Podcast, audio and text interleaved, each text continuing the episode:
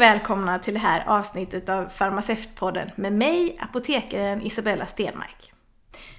Första gången jag stötte på begreppet compliance, eller följsamhet som det heter på svenska, blev jag förvånad. Finns det verkligen patienter som inte gör som förskrivaren ordinerar? I det läget utgick jag från mig själv och mina erfarenheter. Det är klart att det är skillnad på att ta en kort antibiotikakur någon gång då och då jämfört med att ta ett läkemedel varje dag. Hur kan vi förbättra patienternas compliance och vad kan vi som farmaceuter göra?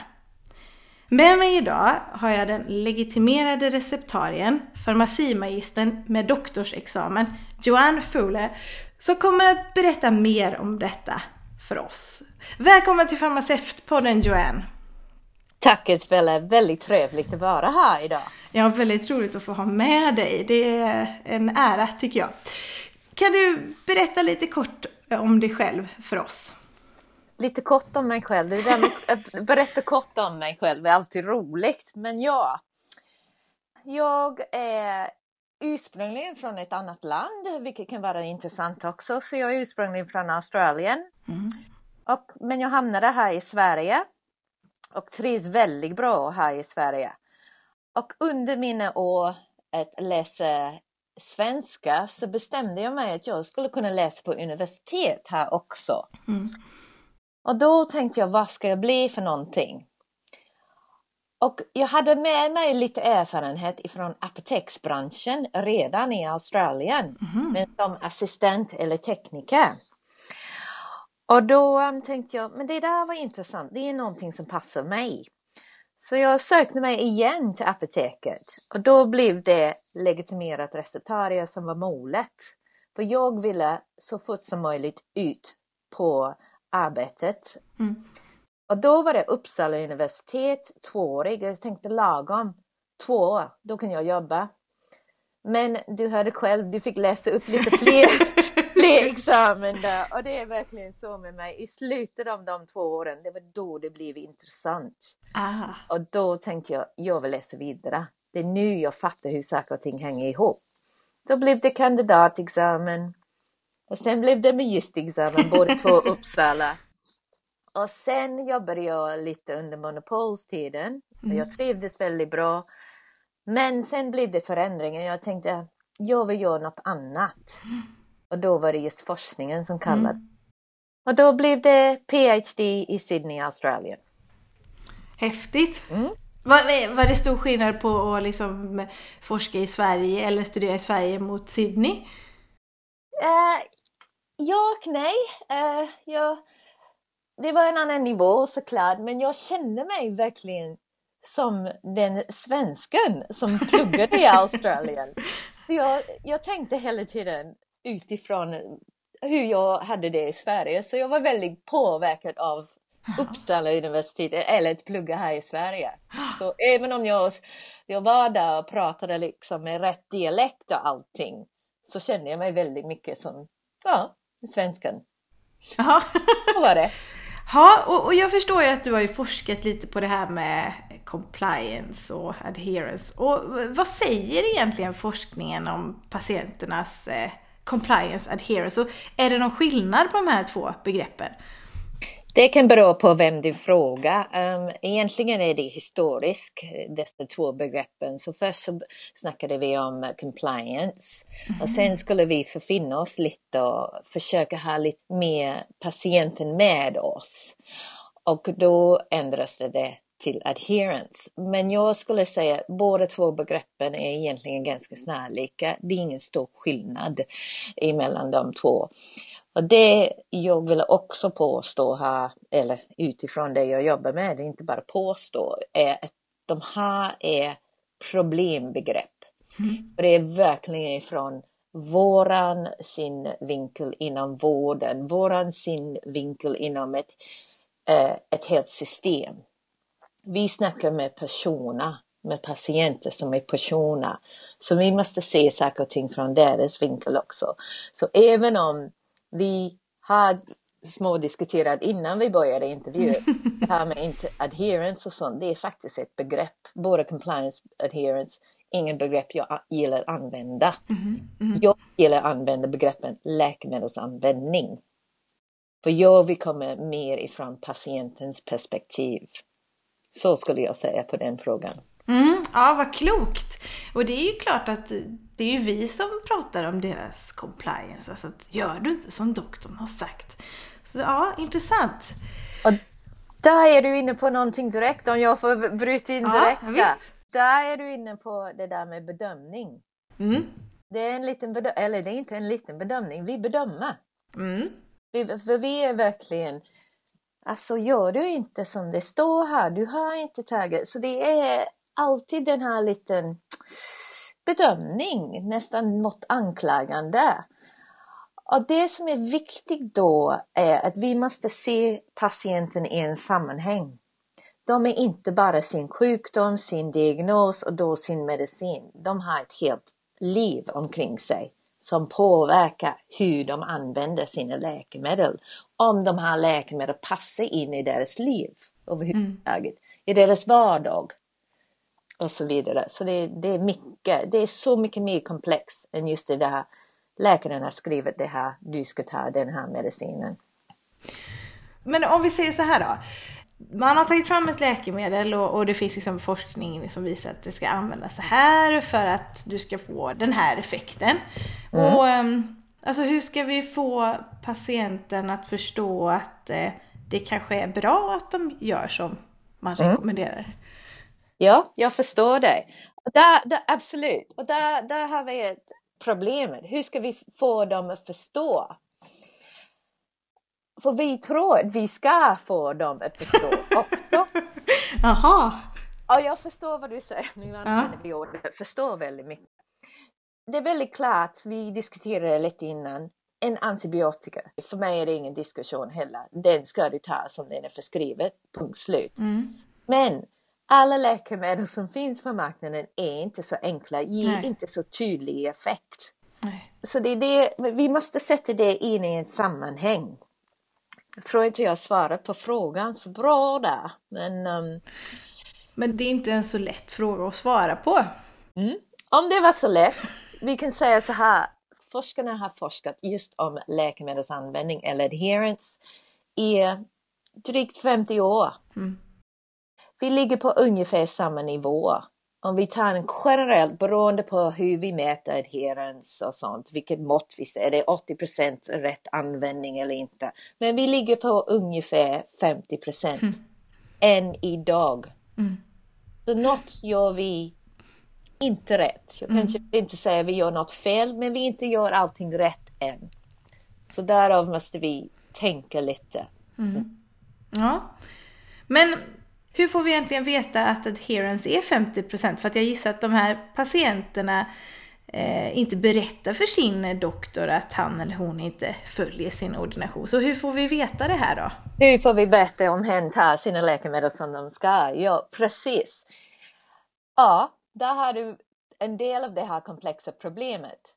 För de siffrorna vi får är inte kanske representativ av just verkligheten heller. Mycket self-report eller mm självrapportering. Och hur kan vi leta på det? Nej, inte riktigt tycker jag. Eller forskningen säger det också, för de kan säga vad de vill just mm. då. Vad jag har däremot gjort är för att verkligen komma nära och det är många som gör så här så jag är inte ensam om detta, att man gör sådana djupa intervjuer. För att verkligen få en förståelse, för att försöka få fram vad är det som verkligen händer hemma hos patienten. Och det är en konst i sig. Mm. Det är klart, det är inte säkert de kommer berätta precis hur de gör, men om jag sitter där och är inte farmaceuten som Nej. bedömer, då är de ganska ofta beroende på, ja det är faktiskt personkemin och mm. sånt, om de vill sitta och berätta, öppna upp och berätta hur det är för mig. Och jag gjorde för två år sedan, det var runt 11 intervjuer jag gjorde. Och då var det faktiskt ungefär 50 procent av dem som jag kunde höra direkt, aha, du har inga problem med att ta dina läkemedel precis som din läkare har förskrivit dem. Mm. Och de övriga, för jag öppnade bara med en fråga, vad tänker du på när du tänker på dina läkemedel? Och direkt på det svaret jag fick kunde man höra lite grann vilket jobbig sak. Eller, jo men de hjälper mig, jag lever det livet jag kan leva tack vare dem. Mm. På grund av att jag har den här svåra sjukdomen eller någonting sånt. Och där var det redan där. Mm. Och sen finns det massa olika typer av forskning. Sen finns det det så kallade kvantitativa forskningen. Och då är det frågeformulärer som har tagits fram. Och då är det att de ska, patienter då menar jag med dem, att de ska svara precis ja eller nej. Eller på en skala. Mm. Eh, om de tar sina mediciner som de kan. Men då kommer vi tillbaka till det där problemet med self-report. Det blir lite svengelska hos mig idag. Det tycker jag är bara trevligt. Ja, men ja, det är ju intressant för då, för jag kan ju, kunde ju ibland uppleva att en, ja, patient är det ju inte då, men en kund kunde berätta för mig på apoteket att nej men jag gör inte så, den där Furix den tar inte jag. Okej, nej men och då, då kunde det ibland handla om att man förstod inte vad, var den för? Varför ska du ta den? Precis. Eh, och, eh, men nu är vi lite inne kanske då på vad farmaceuten ska göra, men, men det, det kan vi komma tillbaka till också. Men du, du har ju gått ytterligare ett steg, du har liksom hängt av dig den vita rocken och, och då blir det ju ytterligare en annan, då är man ju bara, man kanske blir mer på samma nivå. Precis, jag skulle vilja ju använda ordet medmänniska och det kan jag komma tillbaka till varför jag ska använda det ordet. Mm. Um, jag jobbar i grund och botten faktiskt med någonting som kallas för personcentrerad vård också. Och där är det verkligen att vi har som sträva att vi möter varje individ, varje patient som den personen de är. Så oavsett om de har det här etiketten kund, patient eller vad det nu är. Det är fortfarande en person i sitt liv som ska ta sina läkemedel. Mm. Ibland kan det tyvärr låta lite flummigt. Men det är verkligen det här oavsett hur mycket vi förklarar och pratar om och berättar, diskuterar de här medicinerna så går patienten ändå hem mm. och 50% av dem inte tar sina läkemedel. Mm. Så då måste vi ta hänsyn till något annat. Mm. Du har ju en väldigt viktig poäng här, det, det, det hör jag. Det är ett väldigt intressant ämne. Du nämnde någonting där för att du sa att du hör, har hört när du har själv jobbat på golvet, mm. om vi nu säger så, mm. att patienter, kunder som kommer in och säger men jag tar inte den mm. som skriven. Och hur ska man göra då? Och då sa du också att ibland vet de inte varför de ska Nej. ta det. Och ska du stå, eller jag som farmaceut, vilken farmaceut det nu är, förklara för dem. Och ganska ofta är det så att den informationen har inte gått fram. Nej. Har inte kommit fram. Det kanske inte bara att de inte förstår varför de ska ta det. De kanske inte förstår riktigt den här sjukdomen de Nej. har haft heller. Eller har fått. Så det är så mycket runt kommunikationen. Och att aktivt jobba med den personen som är i form av en patient när de kommer till läkaren och får sin förskrivning Sen blir kunden som kommer till apoteket det är fortfarande den personen som ska gå hem och ta sina mediciner.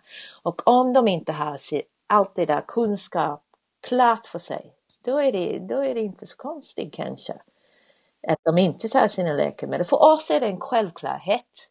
För vi har läst så mycket om det och förstår så mycket mer. Men det är inte så självklart för patienterna alltid. Det är så mycket mer också det här med vanliga biverkningar. Vi tar hög blodtryck till exempel. Men jag har inte känt av någonting med mitt blodtryck. Varför ska jag ta det här mm. läkemedlet? Jag får bara huvudvärk av mm. det. Varför ska jag ta det?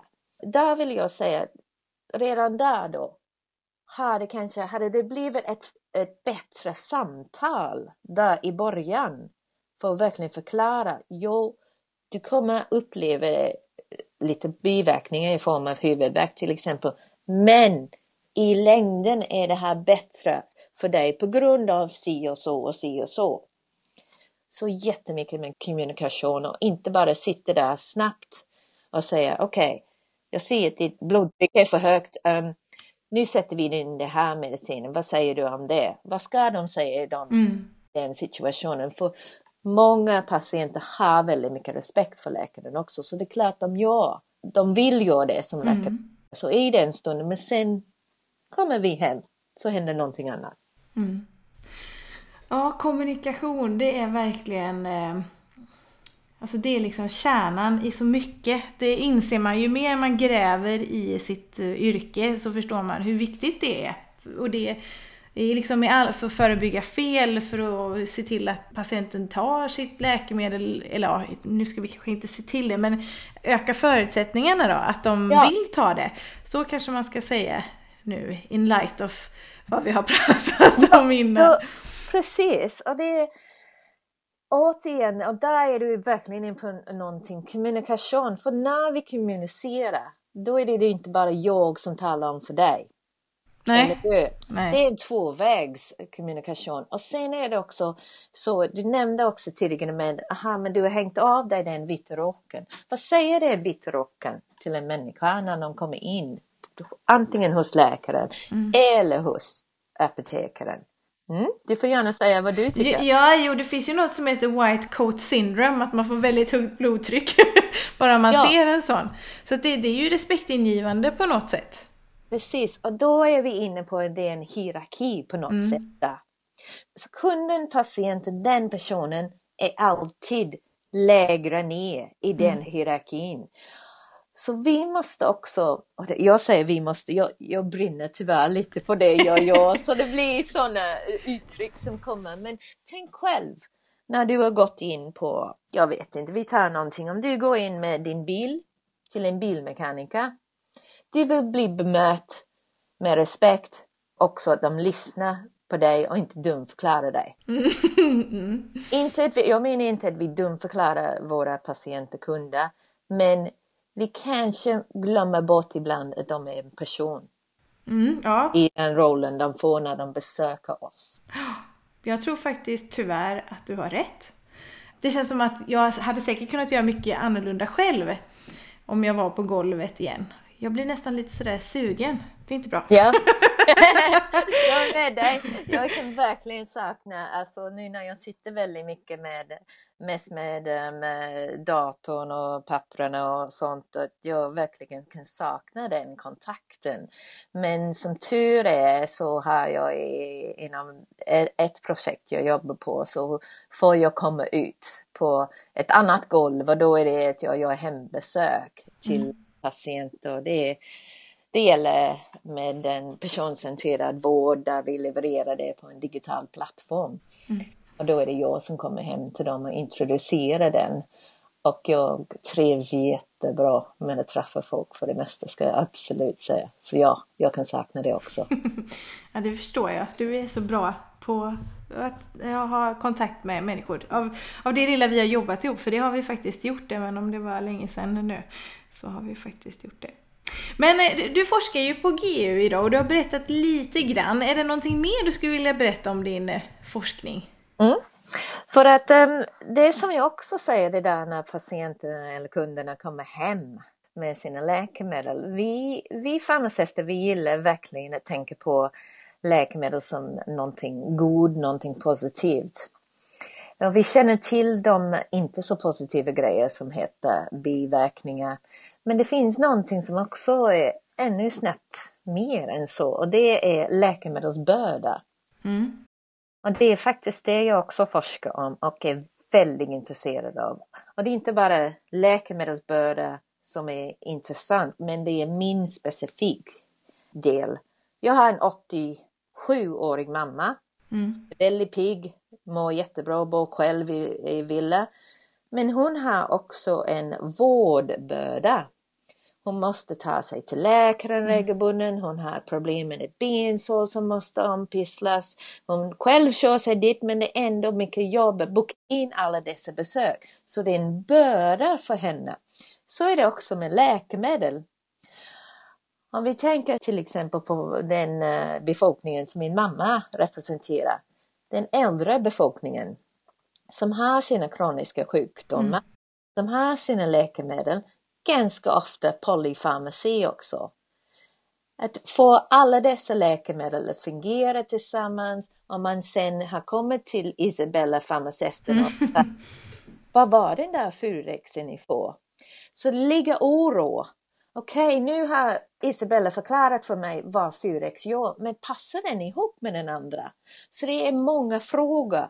Så det är en del av ens börda. Sen är det de praktiska delar. Jag måste hinna till apoteket, jag måste eh, få rätt lä läkemedel, jag måste fylla min dosett eller beställa mina dospåsar, vad det nu är. Det är mycket omkring mm -hmm läkemedel. Och det hade jag faktiskt i en intervju av en patient också. Hon, hon beskrev så alla dessa problem och jag sa så, så menar du det, det, det där och jag hade lite svårt att hitta rätt ord. Hon, omkring. Och hon sa ja precis, mm. det är det där med det omkringet som är jobbigt. Mm. Så det här med läkemedelsbörda, då har jag fått lov att jobba och äran att jobba tillsammans med forskare från England, en som heter Jenna Kriska. Och hon har tagit fram en Living with Medicines questionnaire. Mm. Och den fokuserar just på läkemedelsbörda. Och jag tillsammans med andra, bland annat en professor Nicky Britton och min chef Inger Ekman, vi har översatt den till svenska. Och då, har vi validerat den ut i en population, det var över 700 svar vi fick. Vi hade hoppats på 500, vi fick mm. 700. Mm. det var jättebra. Ja. Så nu håller jag på att skriva ihop resultatet det ser väldigt snarlikt ut också. Den ser ut som vi har fått eh, bra resultat jämfört med engelska populationen. Och, och där är det just det här, de har olika bördor. Alltså i vardagen, praktiska, pengamässigt det är inte så mm. väsentligt här i Sverige. Dock kan det vara också. Mm. Vi får inte ta för givet. Så um, det är mycket det där med omkringet. Ja, ja visst. Ja, vad, och vad intressant. Men jag tänker så här, jag var ju, läste en kurs i Uppsala som hette klinikorienterad farmaci. Ja. Eh, och då pratade man mycket om också att sätta ut saker som inte är aktuella. Som till exempel B12. Behöver det vara en livslång behandling? Är det också sånt som, som du liksom räknar in i läkemedelsbörda? Inte riktigt. Jag skulle säga det där, det där är deep prescribing och det är ren polyfarmaci och de mm. problem som finns. Så nej, det är inte riktigt mitt område. Dock, det är klart det hör ihop med det heller. Mm. Så nästa steg jag kan säga är att jag hoppas nu med den här läkemedelsbörda, frågeformulären när det blir klart på svenska, att jag ska då kunna på något sätt mäta bördan och sen med hjälp av ordentlig kommunikation och eh, personcentrering hjälpa personer som upplever mm. börda som då påverkar deras läkemedelsanvändning att då kunna minska den bördan. Det är ja. mitt dröm. Det där med polypharmacy, det är en annan dröm, någon annan, eller många som jobbar på det. Mm. Men um, det är just det som är lite lite nödig, om jag får använda det ordet, med forskare. Att vi verkligen spetsar in oss mm. på en detalj. Så um, det är så det går till. Och det, ibland kan det bli väldigt frustrerande för att man känner jag kommer ingen vidare här, det tar så lång tid. Men det är just det som är grejen, det är noggrannhet. Att det mm. tar så lång tid så det blir ordentligt gjort och det blir bra förändringar för det förhoppningsvis. Mm. Oh, jätteintressant! Vilken spännande spetsspecialitet får vi väl säga. Jag förstår att du brinner för det. Ja. Och för att hoppa tillbaks lite till compliance slash adherence då. Och du har sagt att 50% följer ungefär ordinationen. Är det när man mäter kroniska sjukdomar och vilka faktorer påverkar compliance? Ja, det var ingen lätt fråga. Men jag, mm. alltså 50% är bara en siffra som representerar en generaliserad siffra. Så det kan mm. vara allt från 20% upp till 80 Och sen beror det på hur man mäter det. Sen är det så är det under fortsättningsfasen eller är det när man ska komma igång, initiation av mm. läkemedelstagning. Det, det är många olika hur ska man säga, tidsperioder, det var ja. fel ord, men det är många olika faser. Perioder, faser där det kan gå fel helt enkelt, precis. Sen kan det också vara så, jag kan som patient kan vara compliant på ett läkemedel men inte på ett annat. Mm. Och hur ska vi klassa det patienten då? Mm. Sen är det också någonting jag tror du och jag när vi jobbar ihop, du reagerar på någon gång när jag hade en kund som skulle hämta ut sin inhalator. Just det. Ja, och då frågade jag som vi alla gör, ah, har du använt det här tidigare? Ja. Mm. Känner du att det går bra att använda den här inhalatorn? Ja. Ja, behöver du fråga mig någonting? Nej. och sen får man lite fingerspetskänsla här, för återigen, jag får inte vara den med makten som bedömer den här patienten i den här stunden. Men kan du visa mig hur du använder den då? Då kan du få ett helt annat svar än det som var sagt. Kan också påverkas av just situationen att jag står där i vitt rock, men generellt också är det så att man kan se. För det är om man tänker på det här, dessa apparater, inhalator, mm. nu vet vi att det finns flera olika. Olika företag tar fram sina olika inhalator. Men det som de företag har lagt ner väldigt mycket forskning, väldigt mycket tid på, väldigt mycket pengar på, att det blir en viss system som doserar just rätt mängd. Om inte du använder det ganska ofta precis steg för steg så får du inte riktigt in dig Nej. rätt mängd läkemedel. Alltså, du kanske inte använder det på rätt sätt. Alltså, du är inte adherent. Nej, det är 100 procent. Så det finns um, någonting som kallas för inhaler-teknik. Och det har jag också jobbat med på eh, första postdocken jag gjorde. Då var det så att vi hade en frågeformulär där farmaceuterna skulle kolla av med kunderna just de här tio olika steg, ibland var det 13 beroende på vilken det är för inhalator. Om man ska skaka den, om man ska ta av den här, vad heter den, huseln, mm, mm. om man ska då andas ut innan, omfatta med läpparna, du vet allt det här. Det är alla dessa steg, så det kallas för inhaler-teknik. Och då har vi något annan adherence.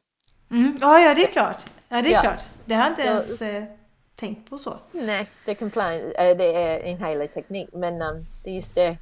Så när du frågar mig hur det är med um, adherent, ja, vilket exempel ska vi ta idag? Och sen de faktorerna som påverkar, om jag hade det svaret hade jag stått där uppe i Stockholm och fått Nobelpriset kanske. Men um, det, dit kommer jag inte, det kan jag verkligen säga. Men alltså, det är så komplext. Mm. Och det är olika faser, det kan ändra sig också. Det kan bero på just den läkaren jag träffade just den dagen också, hur jag mådde just den dagen. Mm. Det kan bero på vad jag har för beliefs about medication, det är någonting som är kopplat till uh, adherence också. Men det är inte bara en enstaka grej. Nej. För då hade det varit en så kallad lätt fix. Men det är det inte. Så lätt är det inte. Och vi är alla olika. Det är ju nästan så man får eh, den, den slutsatsen man får dra att eh, det kan ju finnas lika många skäl som, som eh, personer. Ja. Och därav är det här med kommunikationen extra viktig. Mm. För där ska vi fånga upp just den personen just då. Och jag vet vad jag säger, för jag vet hur det är till viss del. Det var två år sedan jag stod själv på golvet nu att det är stressigt. Det ska mm. gå fort. Så hur lyckas vi? Men redan också hos läkaren, vi måste investera tiden för att verkligen försäkra oss att folk förstår varför de tar sina läkemedel eller inte tar dem. För oavsett kommer de gå hem och göra som de vill. Mm. Och då blir det en kostnad för samhället. Ja. Långsiktig kostnad. Det blir ökad eh, sjukhusbesök, det blir för tidiga döda, det, det blir massa konsekvenser som kostar mycket. Och det är inte bara pengamässig kostnad heller, det är folk som förlorar sina nära och kära, folk som mår dåligt och sånt. Så det, vi snackar om quality of life här också. Så um, det är värt det här att satsa från början. Men, men, men vad, hur tycker du att, eh, hur kan vi som farmaceuter förbättra eller hur, jag ska inte säga förbättra då, men hur, hur kan vi som farmaceuter eh, hjälpa kunden? Eller sätta in oss i kundens situation? Eller vad kan vi göra? Vad kan vi göra? Precis. Men jag, jag tycker du har redan nämnt någonting själv där. För du sa ganska tidigt om det här med Furex. Mm. Så hur kom du in själv i det samtalet med den kunden? Hur kom det fram? Du, du, du frågade något. Ja. Du nådde den kunden på något sätt. Så den kunden sa det de sa. Mm. Ja, det kan ju vara en sån enkel grej att eh, varför har du inte hämtat ut det här på ett år men det andra har du hämtat tre gånger redan. Mm. Eller hur går det med Furexen? Ja. Och det är just det här svårt att det, vi alla hört talas om öppna och stängda frågor. Men just det här, om jag kunde, jag kan inte riktigt säga, men det, det ögonblicket där du känner nu har jag verkligen fått kontakt med den Mm. kunden, den här personen som står framför mig. Nu vågar jag ställa lite mer fråga. Och så därifrån kanske man fångar upp då. Som om det är någon som säger, men jag tar inte den här fyrväxeln. Jaha, varför gör du inte det? Och jag, jag fattar inte vad det används. Nej. Utifrån det, om du kan ha, ta dig tid att diskutera med dem eller hänvisa tillbaka till läkaren. Säg att de, du får faktiskt ta kontakt med din läkare. Det är inte fel att säga du tar inte dina läkemedel. Säg att du tar inte dina läkemedel för att jag förstår inte varför. Kan du hjälpa mig med det? Jag vill ha hjälp. Det är vårt jobb ändå att hjälpa dem. Så um, det handlar mycket om den kommunikationen och försöka fånga upp dem. Så det är där frågan är jag lite kritisk till när det gäller har du haft det här förut. Mm. Det beror på hur man ställer det, hur lyhörd man är.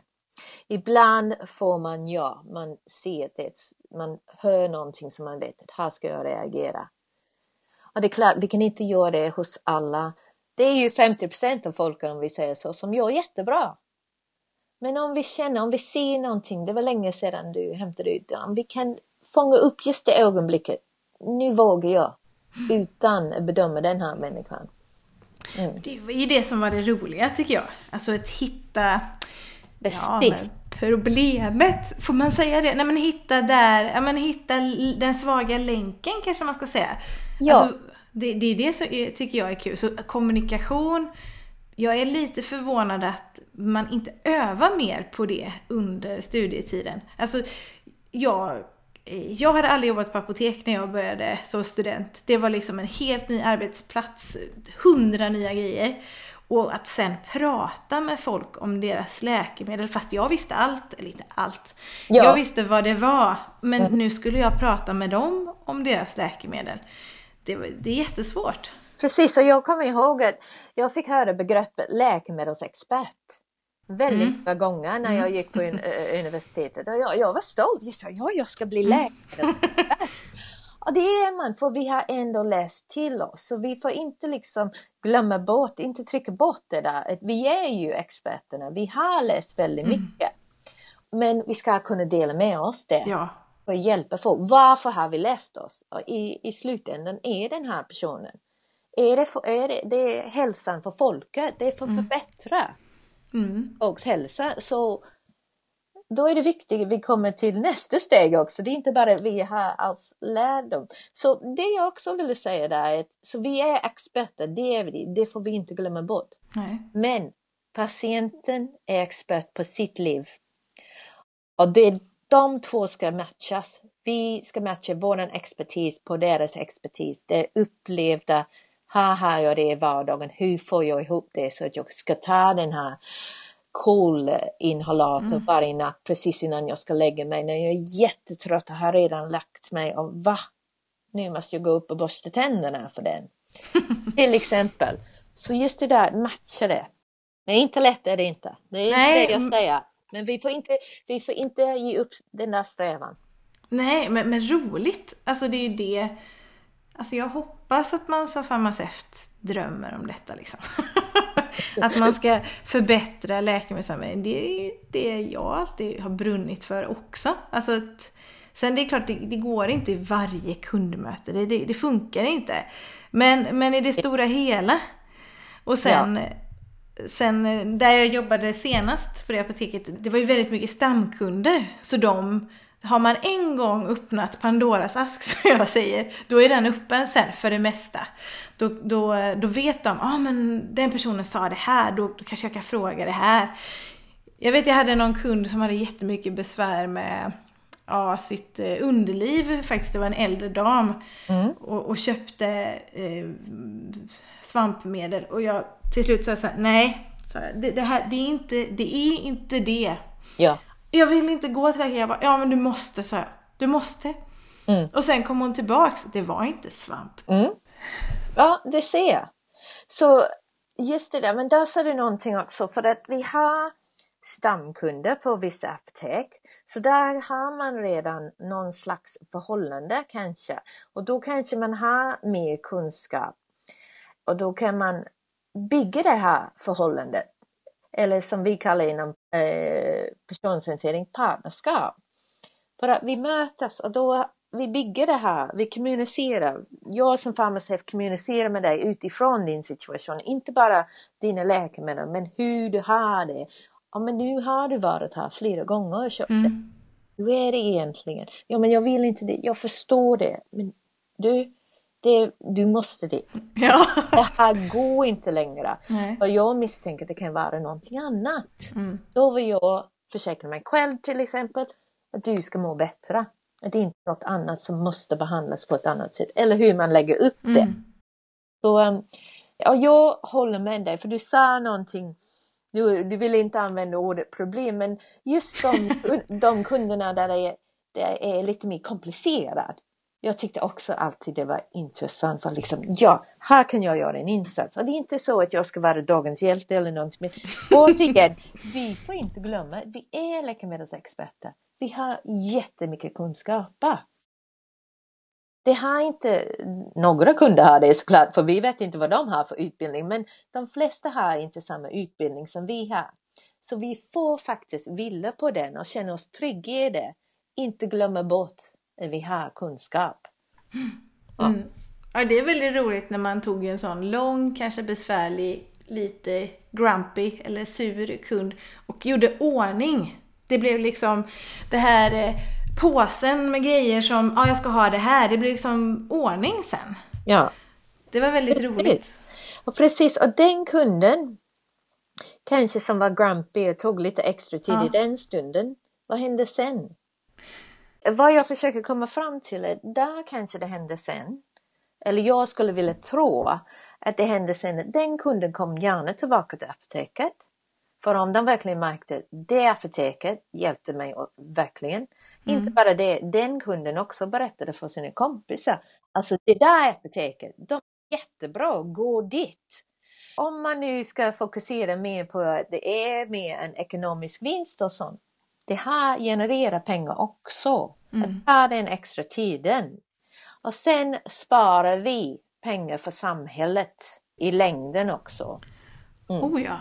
Oh ja. Vi har ett vårdsystem som vi alla vet vår befolkning blir äldre, vi lever längre, vi har ju fler kroniska sjukdomar och ibland nya läkemedel som kostar mycket. Så vi har den här ökade kostnaden som kommer fortsätta öka. Vi måste kapa av det här på något sätt. Vi måste bli bättre på hur vi fångar upp folk. För just nu, ja, det här är lite kanske utsvämning, men det är också hur, hur systemet är uppbyggt. Vi är jätteduktiga på akutbesök. Vi har ett system som kanske var mer uppbyggt för just akutbesök, akuta sjukdomar. Nu har vi många äldre som lever längre med kroniska sjukdomar. Mm. Vi måste ha ett system som fungerar för just den patientgrupp som är den största. Ja. Det är också en insikt. Ja. Så har inte jag tänkt. Nej. Alls när jag måste skriva till exempel eh, forskningsplan eller när jag söker forskningspengar eller någonting sånt. Men vi måste alltid bygga upp en argument. Mm. Så vi tar den där stora samhällsblicket först och det är alltid vi öppnar med det där ökade kostnader som kommer fortsätta öka och vi kommer inte klara av det här i samhället. Vi måste mm. ändra hur vi jobbar. Hur kan vi förbättra oss? Mm. Det är därifrån sånt kommer. Så det är, det är fakta. Ja, jag tar dig för ditt ord. Ja, jag kan skicka en referens om det sen om du vill också.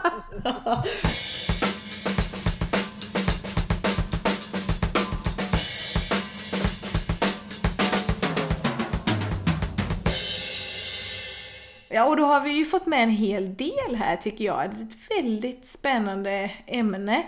Och avslutningsvis så skulle jag vilja fråga, hur kan jag som anhörig motivera till exempel en släkting att följa en ordination?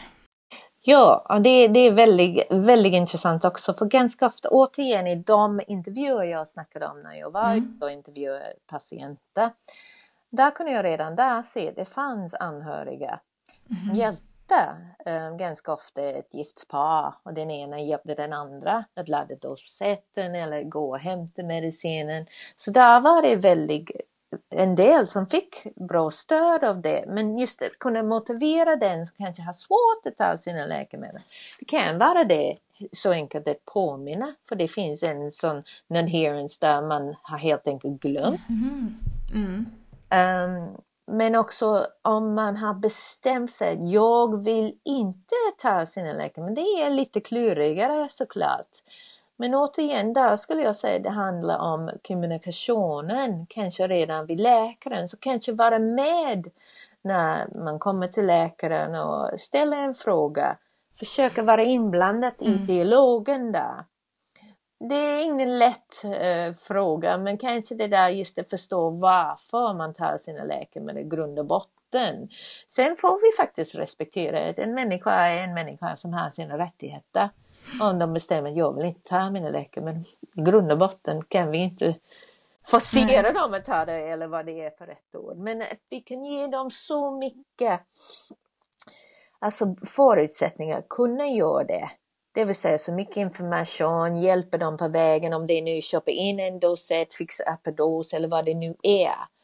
Påminner dem, um, ställer läkemedel så det är nära på köksbänken varje morgon när man går upp och tar sin morgonkaffe eller sådana enkla grejer. Men just det motivera, det, det var lite kluriga. Mm.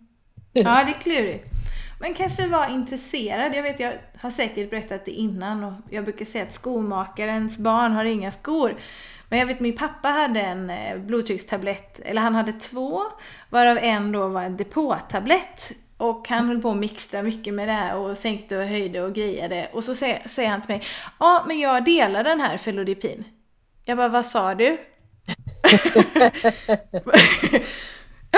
Ja, men det blev bättre så. Jag bara, nej du får inte dela den. Liksom, det är en depåtablett.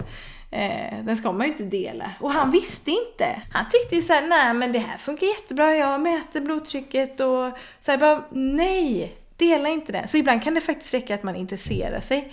Bara frågar, vad gör ja. du eller eh, hur Precis. går det? Precis, mm. precis. Ja, men eh, Joanne, jag får tacka dig så hemskt mycket för din tid och dina kloka ord och för att du ville vara med i Farmaceutpodden. Det var jätteroligt. Tack Isabella, det var jätteroligt att vara med.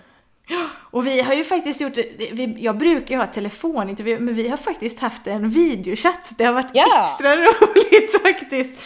Där har ja. vi sett varandra. Så att, eh, ja, det har varit ett livligt samtal. Rockar har åkt av och allt möjligt. Ja. Precis. Men det är en del av kommunikationen. Det är inte bara det, ehm, det talade ord, utan det är det där med att se varandra och sånt. Mm. Oh ja, oh ja. Väldigt viktigt. Och så vill jag tacka alla er som har lyssnat. Tills vi hörs igen så får ni ha det så bra. Hej då! Hej då!